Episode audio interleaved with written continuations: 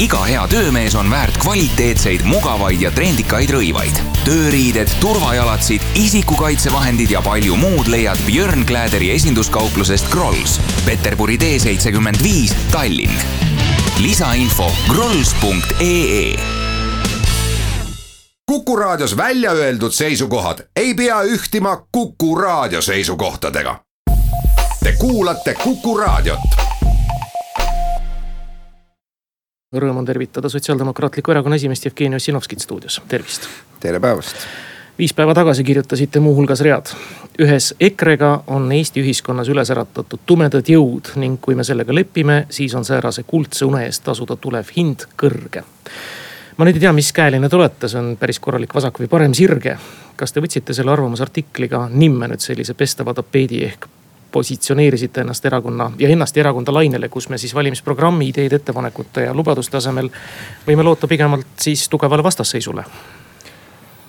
esiteks, need ei ole minu kirjutatud sõnad, see on Postimehe toimetaja sõnad, mis, mis artikli algusesse pandi, aga, aga, aga eks nad võtavad enam-vähem selle, selle jutu mõtte kokku küll, et küsimus ei ole loomulikult mitte selles, et, et ärme, ärme siis räägi nendest sisulistest poliitilistest lahendustest, olgu ta haridus- või regionaalpoliitikas, vaid et üldiselt ju oleks mõistlik, et demokraatlikku võimu taotledes on üks asi kõikidele erakondadele selge, et see põhiseaduslik alus, mille alusel seda võimu teostatakse, et selles osas meil erimeelsusi ei oleks ja see tähendab seda, et Eesti jätkab demokraatliku õigusriigina, kus äh, kõikide inimeste õigused on võrdselt kaitstud, kus äh, üksteisele ei tehta liiga, kus ei jagata inimesi õigeteks ja valedeks ja nii edasi. Ja me teame, et, et viimase nelja aasta kõige suurem poliitiline muutus tegelikult on see, et üks erakond on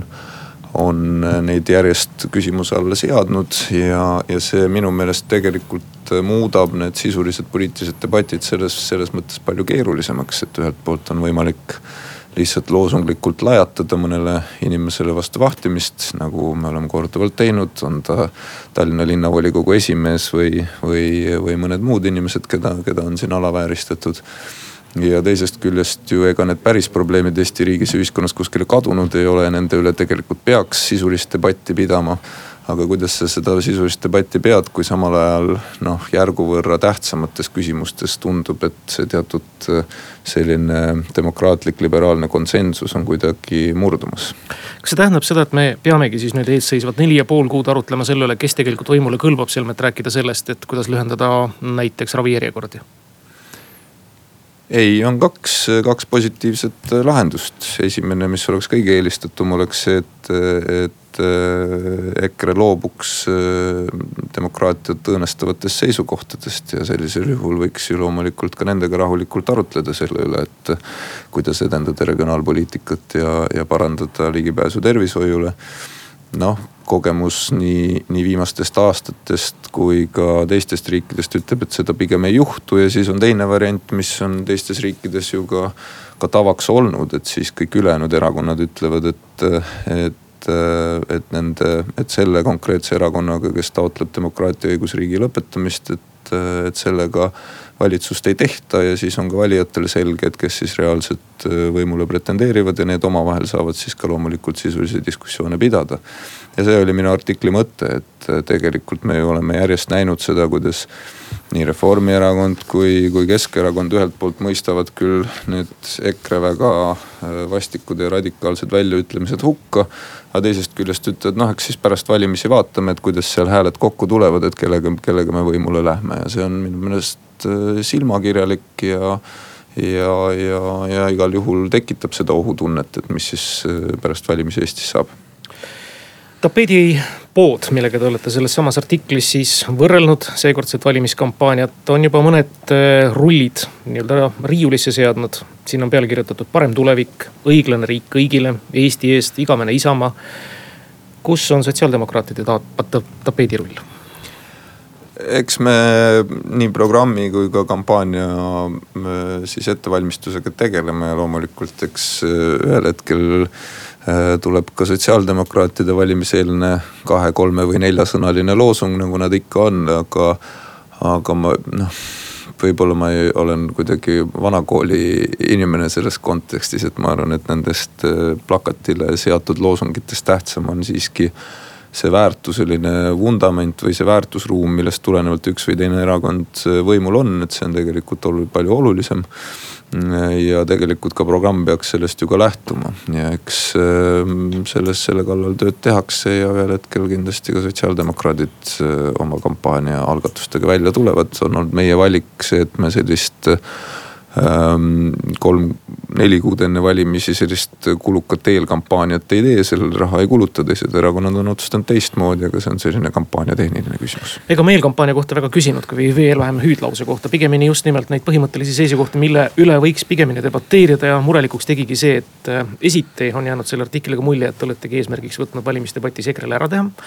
ja kaasa arvatud siis ka nendele, kes tahavad EKRE-ga paati heita, te heidate ette, et nii Kaja Kallas võimalik kui ka, et Jüri Ratast õigemini hoiatate, palute neid seda kindlasti mitte teha. aga räägime siis sisulisest poolest, eks ikka ilmselt inimeste hakkamasaamine järgneva nelja aasta vältel on, ma usun, et võtmeküsimus, millele ka siis sotsiaaldemokraadid on oma programmis palju ridu pühendanud. no sotsiaaldemokraatide ilmavaade loomulikult ei ole muutunud, eks me oleme selle kohta sõnastanud seda erineval viisil omal ajal, inimene eelkõige, inimesest Eesti, kedagi ei jäeta maha, iga inimene on on oluline, et eks see on see väärtuseline vundament, millest me lähtume, meie jaoks on olulised vabadused ja võimalused, see tähendab seda, et isikuvabaduste osas peaks riik olema võimalikult vaba ühelt poolt ja teiselt poolt see, et, et riik peab tagama kõikidele inimestele võrdsemad võimalused, see loomulikult transleerub omakorda pere- ja sotsiaalpoliitikasse, et kõikide laste võimalused oleksid võimalikult võrdsed, sellest tulenevalt oleme me välja käinud selle, et, et lasteaed võiks olla tasuta selleks, et, et kõikidel lastel oleks see.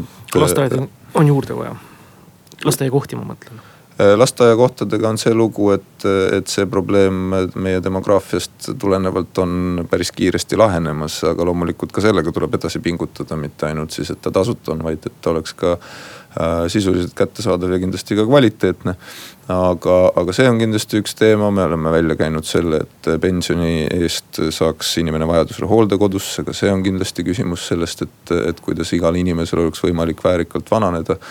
eks lähtudes sellest me, me ka oma programmi üles ehitame, tervikuna me näeme seda, et mitte ainult Eestis, aga ka Eestis on üheks oluliseks probleemiks kasvav kihistumine, ebavõrdsuse kasv ühiskonnas ja tegelikult ka nüüd püüdes nii-öelda analüüsida selle äh, paremäärmusliku äh, liikumise siis sellist tekkemehhanismi, siis ebavõrdsuse kasv kindlasti üks nendest on, sest me näeme, et, et suur osa inimesi, mitte ainult Eestis, vaid ka mujal, äh, siis vehivad valitsuse poole rusikat sellepärast, et nad tegelikult näevad, et need, nad ei ole piisavalt Eesti edust osa saanud ja, ja see on kahtlemata see asi, millega päriselt ja praktiliselt tuleb tegeleda ja on võimalik tegeleda. kui me võtame näiteks perepoliitika, siis siin on sotside eestvõttel väga palju ära tehtud viimase nelja aasta jooksul, näiteks laste absoluutne vaesus on langenud rohkem kui kolm korda, kümne protsendi pealt kolmele protsendile. Äh, aga näiteks, kui me võtame regionaalpoliitika, regionaalse arengu, siis siin ilmselgelt ei ole tänaseks piisavalt ära tehtud ja, ja, ja selge on see, et, et see väikekohtade hääbumine on, on asi, millele tuleb äh, tugevamalt sellist lahenduste paketti välja käia Tiina Kaukvere kirjutas ja see on nüüd kõva enesekriitika ajakirjandusele selle nädala keskel. ajakirjandus peaks olema peegelpilt elust. millegipärast on minu argielu sellest üha kaugem. sellel ei ole midagi pistmist homode, surrogaatemade, sõduriteta riigipiiri või kultuurautonoomiaga, mida venelased ise küsinud ei ole. Usun, et need ei ole keskmise eestimaalase argimured ja seega siis heidab ette ajakirjandusele sedasama, et kõike todasama võimendatakse, mille on ka sotsiaaldemokraadid võtnud võib-olla siis küsimuseks ja arutelu olla ja millele siis EKRE vihaselt lajatanud või veel vihasemalt siis pipart peale raputanud, et peab nüüd tingimata rääkima siis nendest vabadustest ja. ja sedavõrd suurel määral, mis tegelikult inimestele korda ei lähe. muna hind huvitab inimesi poes rohkem kui see, et kas kõrval valib muna nüüd neeger või mitte noh, sellega on nii ja naa, et, et ma olen selle kohta kasutanud seda, seda lauset, et kõige eh, enesestmõistetavamad asjad on tihti kõige hapramad. et, et elades täna vabas ühiskonnas, siis need Äh, asjad, mis selle juurde käi-, sellega koos käivad nagu loomevabadus, meediavabadus, ka see vabadus, et sa võid armastada, keda sa tahad. tunduvad nii enesestmõistetavad, et tõepoolest mõtled, et noh, mis me sellest ikka arutame, see on ju meil olemas. aga, aga nagu ka ajalugu näitab, et need asjad võivad tegelikult olla üsna haprad, kui me nendele piisavalt tähelepanu ei pööra aga konflikt on kahtlemata üks mitte ainult poliitika, vaid ka tervikuna. Sellist ühiskondlikus arutelus ju asi, mis käivitab palju rohkem kui sellised Äh, kõigi poolt üheselt aktsepteeritavad asjad, et, et me oleme seda ka oma poliitilistes algatustes näinud, et kui sotsiaaldemokraadid räägivad lapsetoetuse tõusmisest, siis sellest väga palju uudislugusid ei ilmu, sellepärast et keegi ju vastu ei ole, kõik kehitavad õlgu, väga tore, tehke ära. Äh, et, et üldiselt meedia tähelepanu püüavad ja ka inimeste tähelepanu püüavad tegelikult eeskätt sellised teemad, kus keegi kellelegi siis Äh, sisse sõidab. ja eks see on selline noh, selline keskkond, milles me töötame, mis ei tähenda loomulikult seda, et, et, et see kuidagi positiivne on. ja, ja kindlasti sotsiaaldemokraadid ei tahaks, et, et kõik need vali-, et, et need valimised kulgeksid sellises võtmes, et, et lihtsalt üksteisele äh, siis äh, nägu üles lüüakse. aga, aga vaadates viimase kümne aasta valimiskampaaniaid, siis, siis lõpuks ta ühte või teistpidi paraku niimoodi ikka kipub minema ja ma mingil määral kahtlemata on see poliitikute ja erakondade süü. teisest küljest, eks noh, vaatajad ka, vaatajad, kuulajad ja lugejad üldiselt kipuvad nagu kõik ju meediainimesed hästi teavad, rohkem lugema neid lugusid, kus on ikka mingit konflikti, mitte need, mis on sellised toredad ja üdini positiivsed. Vox Populi erisaade alustab, stuudios on number kuus, kaks, üks, neli, kuus, neli, kuus ja küsimustele on vastamas Sotsiaaldemokraatliku Erakonna esimees, riigikogu liige Jevgeni Ossinovski meil on esimene küsija liinil, tervist. tervist, jõudu. esimesele küsimusele vastust ehk teaksin, kuidas suhtute traditsioonilisse tervesse perekonda. aga miks te siis ei toeta ja ei ühine sellise ühendusega, kes toetab, toetab ja kaitseb meile kultuuriväärtusi ja traditsioone, hoopis vastupidi kaikastoobid, aitäh. aitäh ma suhtun äh, perekonda hästi, perekond on, on kindlasti hea asi, seda kaitseb ka Eesti põhiseadus ja, ja ma küll ei tea, millistest ühingutest seal jutt on, aga ma arvan, et et kõige rohkem perekonna väärtuste kaitseks saab ikka iga inimene ise ära teha, omaenda perekonda hoides. Aga aimates selle, selle küsimuse mõtet, siis ma arvan, et teine pool on ka see, et, et need inimesed, kes on äh, on äh, juhtumisi armunud äh, teise inimesse, kes võib-olla mõne inimese arvates ei ole väga traditsioonilist laadi, siis, siis ma arvan, et vabas demokraatlikus ühiskonnas ka neil võiks olla õigus äh, turvaliselt ja õnnelikult elada. kuus, kaks, üks, neli, kuus, neli, kuus on taas helisenud, tervist. lugupeetud saatekülaline ja, ja, ja sõbrad kõik, et kui ma vaatan nüüd eh, sotsiaalse sellisele ütleme maailmavaatele, siis minu arust, et see ei ole ainult eh, hoolekanne, hoolekande mõiste või siis, et kõik oleks turvaline. et ta, ta ikkagi üks osa minu arust nagu teil puudu, et, et inimese sotsialiseerimine, see on ju läbi sõpruse, selline sõpruse kommunikatsioon on teil nagu puudu et peaks erakonnana nagu just eh, näo rõõmsamaks tegema ja pakkuma sõprust, eh, ütleme kuskil seal kirik keset küla, eks ju, kõikide erakondade vahel. vot nüüd ajame sõbralikult asju, et see osa minu arust on puudu, et mis, mis te arvate, kas seda võiks, seda osa võiks kasvatada natuke? Ma tänan, ma olen küll teinud täitsa äh, rõõmsa näoga ja üldiselt äh, sotsiaaldemokraadid, ma arvan, üldiselt on ka sellised keskmiselt rõõmsamad, ehkki eks meile natukene heidetakse ette, et me tihtipeale käime ikka natukene, on alati see murekorts on laual ja, ja mure, mure Eesti, Eesti riigi ja rahva pärast on on, on suur, sest äh, olles nüüd nelja aasta jooksul väga palju ära teinud inimeste heaolu parandamiseks, on need laste, perede toetamise kontekstis või mõnes muus, siis ikka ja alati on ju veel neid muresid ja probleeme, mis, mis jätkuvasti lahendust vajavad.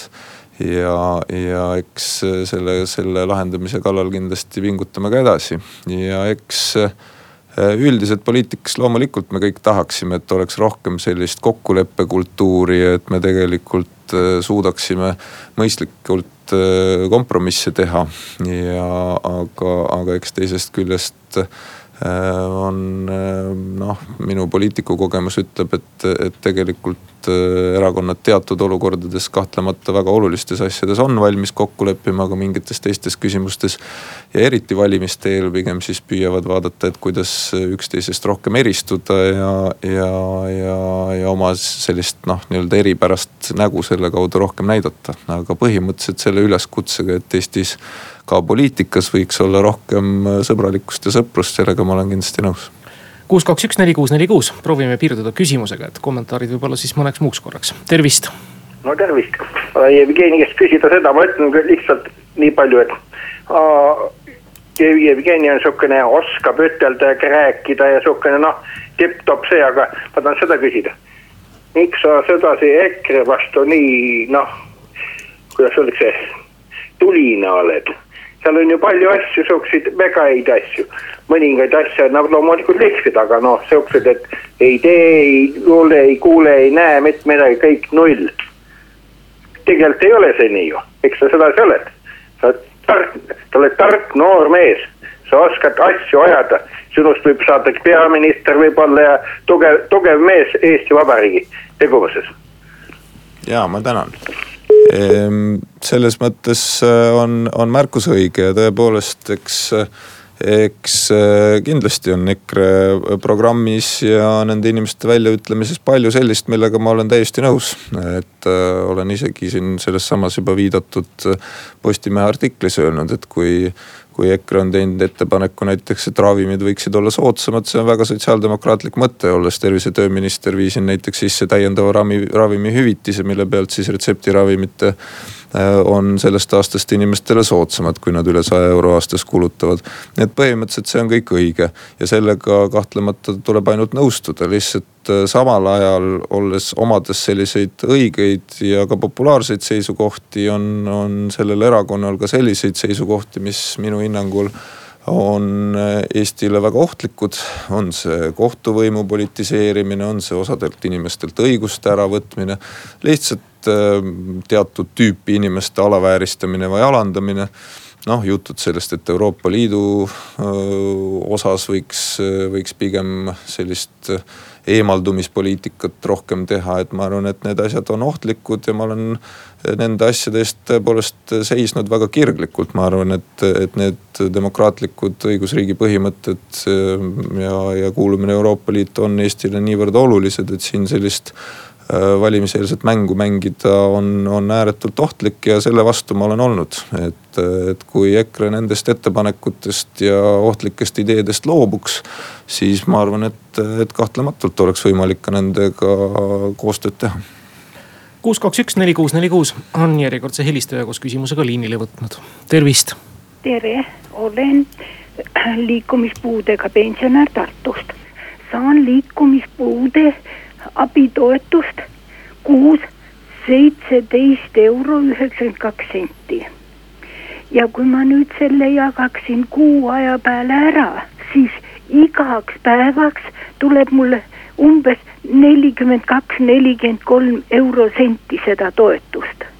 kui ma tahaksin äh, invaabi taksoga või selle autoga või sõita, siis ma nagunii selle rahaga ma saaksin võib-olla ühe või kaks korda, aga eelnevalt tuleb ju kaks päeva ette tellida ja nii edasi ja nii edasi.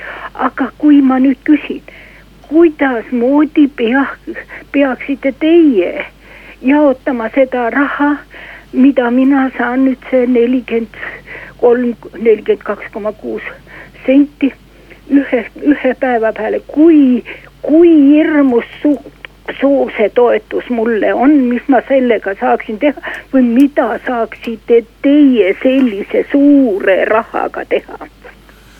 suur tänu, äh, loomulikult ei ole äh, Eestis äh, need toetused, mis puudu, puudutavad puudega inimesi, üldse erivajadusega inimesi ja nõrgemaid, ei ole kahtlemata piisavad ja, ja eks see olukord on, on tõepoolest väga, väga nukker.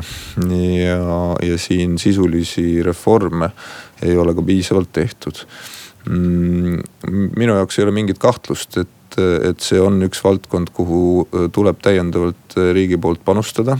me oleme üht-teist küll saanud teha, aga tegelikult on, on seda ilmselgelt liiga vähe ja eriti, millest on puudu, millest muidugi, millele te ka viitasite, on kohaliku omavalitsuse poolt pakutavad teenused, mis on olnud väga vähe arenenud ja, ja üldiselt isegi seal, kus nad on arenenud, siis nende pakkumine on, on ebapiisav ja no mina näiteks kunagi elasin Suurbritannias, kus mul olid naabriks äh, toredad vanainimesed, kui rääkida sellest samast äh, sotsiaaltranspordist ja seal oli kohalik omavalitsus selle ära korraldanud niimoodi, et nad võeti väikese spetsiaalse bussiga iga hommiku kodust peale, viidi siis sinna, kus neil vaja oli minna, kas haiglasse või päevakeskusesse või kuskile äh, sotsiaalteenustele ja, ja seejärel toodi õhtul tagasi, iga päev toimus see täiesti tasuta neile. et, et see on kindlasti see suund, kuhu me ka Eestis peaksime minema ja eks ka nüüd sotsiaalministeeriumi poolt lõpuks on, on suund sinna võetud, et kohalikelt omavalitsustelt rohkem ja paremat teenust nõuda. tervist tere, et kui noh, Jevgeni on kindlasti laia silmaringiga inimene ja, ja, ja selline hakkaja mees. et kas ta ise selle peale näiteks ei ole tulnud, kui ta Londonis elas, et, et, et suurlill London ja kui kõrvale panna väike Eesti miljon elanikku. tähendab, Eesti riigil ei ole võimalik öö, oma ressursse mõttetult öö, laiali kulutada ja, ja, ja, ja puistata ja, ja üle, üleval ennast pidada, kui, kui ütleme selline noh, noh, ütleme suurriik näiteks siis on. et, et Eestil ei ole võimalik külvata raha sõjanduse relvadele ja, ja, ja, ja sellisele asjadele, et et hea on, kui meil oleks mingi piirivalve või siseline, siseline riigisisene turvalisus paigas, aga, aga, aga sellist sõjaväge, mis on Eestis äh, kümme aastat ehitatud sellist dogma. vabandust, härra, ma pean küsima, et paluma õigemini, et te küsimuse esitaksite. jah, et, et kas selline raha külvamine meie sõjaväele on sellel mis tema seisukoht on selles suhtes, et keegi ju Eestit ju ründama ei hakka. aitäh, no esiteks, eks eh, Eesti geopoliitiline olukord on, on suhteliselt keeruline geograafiast eh, tulenevalt ja, ja eks siin võiks pigem öelda, et, et mõne Lääne-Euroopa riigi olukord selles osas on on tükk maad rahulikum, aga mina olen üldiselt äh, usun ja usaldan meie, meie kaitseväge ja, ja, ja selles mõttes ei. ilma selles, sel alal ise ekspertiisi omamata ei, ei julge küll öelda, et, et tänase iseseisva kaitsevõime asemel võiks lihtsalt piirduda piirivalve salgaga, et tõenäoliselt see meie Äh, meie olukorras äh, mõistlik ei ole, nii et iseseisev kaitsevõime ja, ja, ja NATO tugev partnerlus on, on ainumõeldav äh, tee meie jaoks. nüüd mm, kahtlematult on, on väiksel riigil ka ressursse vähem ja sellest tulenevalt tuleb loomulikult majandada ikka säästlikult ja ma arvan, et Eesti on on seda põhimõtet ka väga hästi järginud, et lihtsalt riigikaitsele kuluv äh, kaks protsenti SKT-st natukene peale on noh, suurusjärgus lihtsalt teadmiseks umbes viis protsenti Eesti riigieelarvest, nii et ei ole tegemist kahtlematult mingite noh, meeletute kuludega, mida siis kõige muu arvelt äh, tehakse et äh, haridusele näiteks kulub Eestis umbes kolm korda rohkem ja, ja sotsiaalkaitsele samamoodi, nii et, äh, nii et see summa ei ole, ei ole tegelikult teab mis suur. aga teisest küljest ma arvan, et, et need investeeringud on tegelikult vajalikud. kuus, kaks, üks, neli, kuus, neli, kuus, stuudios on telefon taas helisenud, tervist. tere, ma jätaksin esialgu kõrvale need puuded, riigikaitsekulutused, aga kutsuksin natuke korrale neid vanainimesi, kes räägivad lõputust vaesusest. et võtame inimesed, kes on kasvatanud lapsi. laste kasvatamine on väga kallis ja seda on isegi välja arvutatud, isegi Eestis. aga igatahes äärmiselt kallis ja nüüd on need lapsed kes ju peaksid neid siis aitama, siis ei saa me lugeda siin mingeid sente, mida see vanainimene siis päevas kulutab. nüüd, nüüd mõtleme neid inimesi, kellel ei ole lapsi. Kuhu siis panid need inimesed selle raha, millega teised lapsi kasvatasid? eks oleks siis võinud ikka natukene säästa ja hoida ja arvestada sellega, et neil ei ole lapsi ja et nendel tuleb ka vanadus üle elada ja mina ei leia seda kolmandat liiki, kellel ei ole lapsi, kes neid aitaks ega kes, kellel eh, ei ole ka sääste, mis neid aitaks. proua, ma vabandan, ma pean jälle küsimust küsima, meil on siin küsimise ja vastamise saade. Noh, au teile, ma ise tahtsin vastata, aitäh. selge, vastasite, aitäh kuus, kaks, üks, neli, kuus, neli, kuus on taas vaba, võtmaks vastu jah, eeskätt küsimusi. tervist. härra Ostinovski on kuulda lugus. jah, on siinsamas teate, ma kuulasin seda saadet siin, ma nüüd algusest peale ei kuulanud, aga et kaitsekulutustele raisatakse siin kaks koma viis protsenti ja kolm korda rohkem läheb meil siis haridusele. Aga kui nüüd hakata mõtlema, et me maksame kolm korda rohkem haridusele kui kaitsekulutustele ja meie haritud inimesed suuremas osas jooksevad kõik välismaale tööle. et võib-olla oleks vastupidi tarvis haridust natukene piirata ja anda kaitsekulutustele natuke raha juurde nii. ja siis, ja siis sõjavägi piiraks inimeste äraminekut Eestist või? ei, ma. kui me kasvatame ja harime oma inimesi selleks, et nad lähevad välismaale tööle ja me ise ei suuda nendele tööd pakkuda, siis küsimus, miks me siis haridusele nii palju üldse kulutame. ja aitäh, ei tõsisemalt vastates siis, siis loomulikult on, on hariduskulutused on, on väga prioriteetsed, see on investeering mitte ainult äh, sellesse, et inimene iseseisvalt hakkama saaks, vaid ka tervikuna, et ühiskond oleks, oleks äh, jõukam ja edukam. Ja, ja eks see on tänaseks natukene juba müüt ka, et kõik, kõik haritud inimesed Eestist ära lähevad tegelikult näiteks oma oma viimasest ministriametist äh, võin rääkida seda, et, et see, et meil tervishoiutöötajad kõik Soome ära lähevad, tegelikult viimastel aastatel on see äravool väga äh, peaaegu nulli kukkunud. samal ajal on hakanud ka meedikuid Eestisse tagasi tulema me vaatame statistikat, siis me näeme, et ka viimastel aastatel on inimesi hakanud rohkem Eestisse tagasi rändama. ja see, selles on põhiliselt tingitud ikka sellest, et Eestis on palgad kasvanud. see tähendab seda, et inimestel on võimalik äh, normaalselt ära elada ka Eesti palkade juures ja teisest küljest ka Eesti tööturg on pingestunud, ehk siis meil on ju iseenesest tööandjad räägivad kogu aeg ju sellest, et töökäsi on puudu, mitte üle.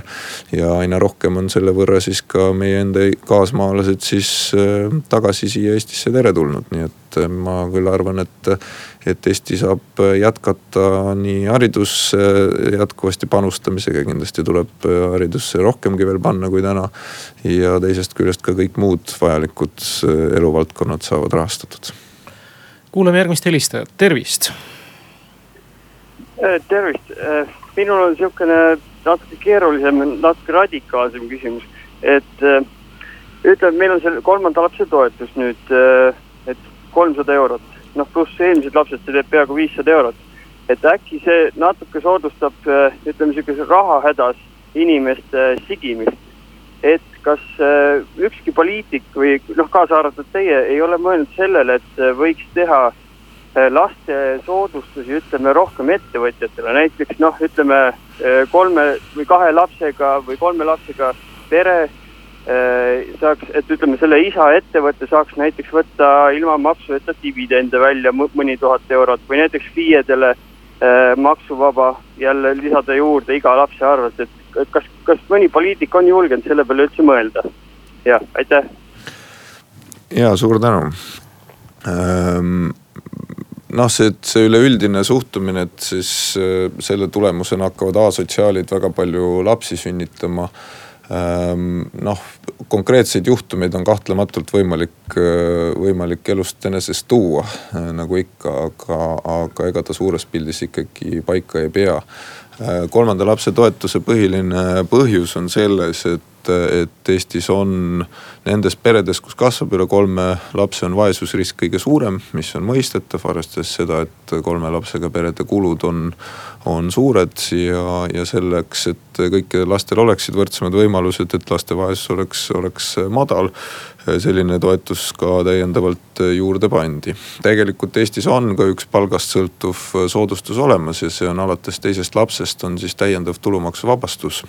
see soodustab siis, see on täiendavalt siis juba olemasolevatele lapsetoetustele ja see soodustab siis pigem neid äh, peresid, kellel siis on sissetulekud kõrgemad, kes siis selle äh, maksuvaba äh, siis seda täiendavat maksuvabastust kasutada saavad ja kui sotsiaaltöötajatega rääkida, siis seda noh, ütleme asotsiaalsete laste toetamise lugu kõige rohkem tegelikult sünnib mitte meie lapsetoetuste tõttu, vaid meie helde vanemahüvitise süsteemi tõttu et neid juhtumeid on olnud, kus noh näiteks narkomaanidest vanemad sünnitavad lapse, saavad poolteist kuud miinimumpalga ulatuses sissetuleku vanemahüvitise näol ja seejärel annavad lapse näiteks lapsekodusse ära et, et selliseid kahetsusväärseid juhtumeid on olnud, aga, aga lapsetoetuste süsteem iseenesest on üles ehitatud selleks, et anda see pikaajaline kindlustunne igale perele.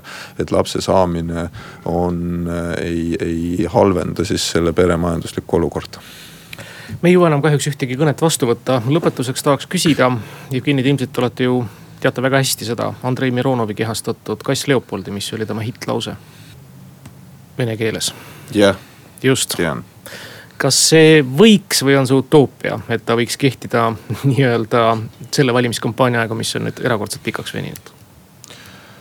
Ei no kahtlematult, eks valimiste ajal tuleb, tuleb nii sõbralikke hetki kui ka, kui ka vähem sõbralikke hetki. aga tervikuna, eks oluline oleks loomulikult rääkida asjade sisust, et mitte sellest, et, et, et kui palju üks või teine inimene kellelegi meeldib või ei meeldi ja, ja eks oluline valija jaoks, mina alati rõhutan seda, kui, kui need ilusad valimisloosungid, mida me siin oleme kuulnud, üks lubab sada eurot ja teine kohe kahekordistab ja. ja nii edasi, on tegelikult mõelda sellele, et missugusel erakonnal, mis on see väärtusruum, millest tulenevalt üks või teine erakond oma poliitikat teeb. sest see on praktiliselt kõige olulisem küsimus, sest mitte kunagi ei suuda mitte ükski inimene, ka ükski poliitik ei suuda ette näha neid teemasid ja küsimusi, mida tuleb hakata lahendama lahendama järgmises valitsemisperioodis ja siis on hästi oluline see, et millistest väärtustest lähtuvalt äh, neid otsuseid poliitiliselt hakatakse langetama. ja, ja ma arvan, et äh, see erakond, erinevate erakondade väärtusruum, kas pigem seistakse nõrgemate eest või pigem edukamate eest, kas tähtis on iga inimene või ainult teatud tüüpi inimesed. ma arvan, et see joonistub tegelikult suhteliselt hästi välja ja selle pealt on, on võimalik äh, valijal ka oma tarka otsust teha väga tänan teid stuudiosse tulemast. Jevgeni Ossinovski täna kuulate küsimustele vastamas, soovime teile edu, edu, jõudu ja ilusat sügise jätku. aitäh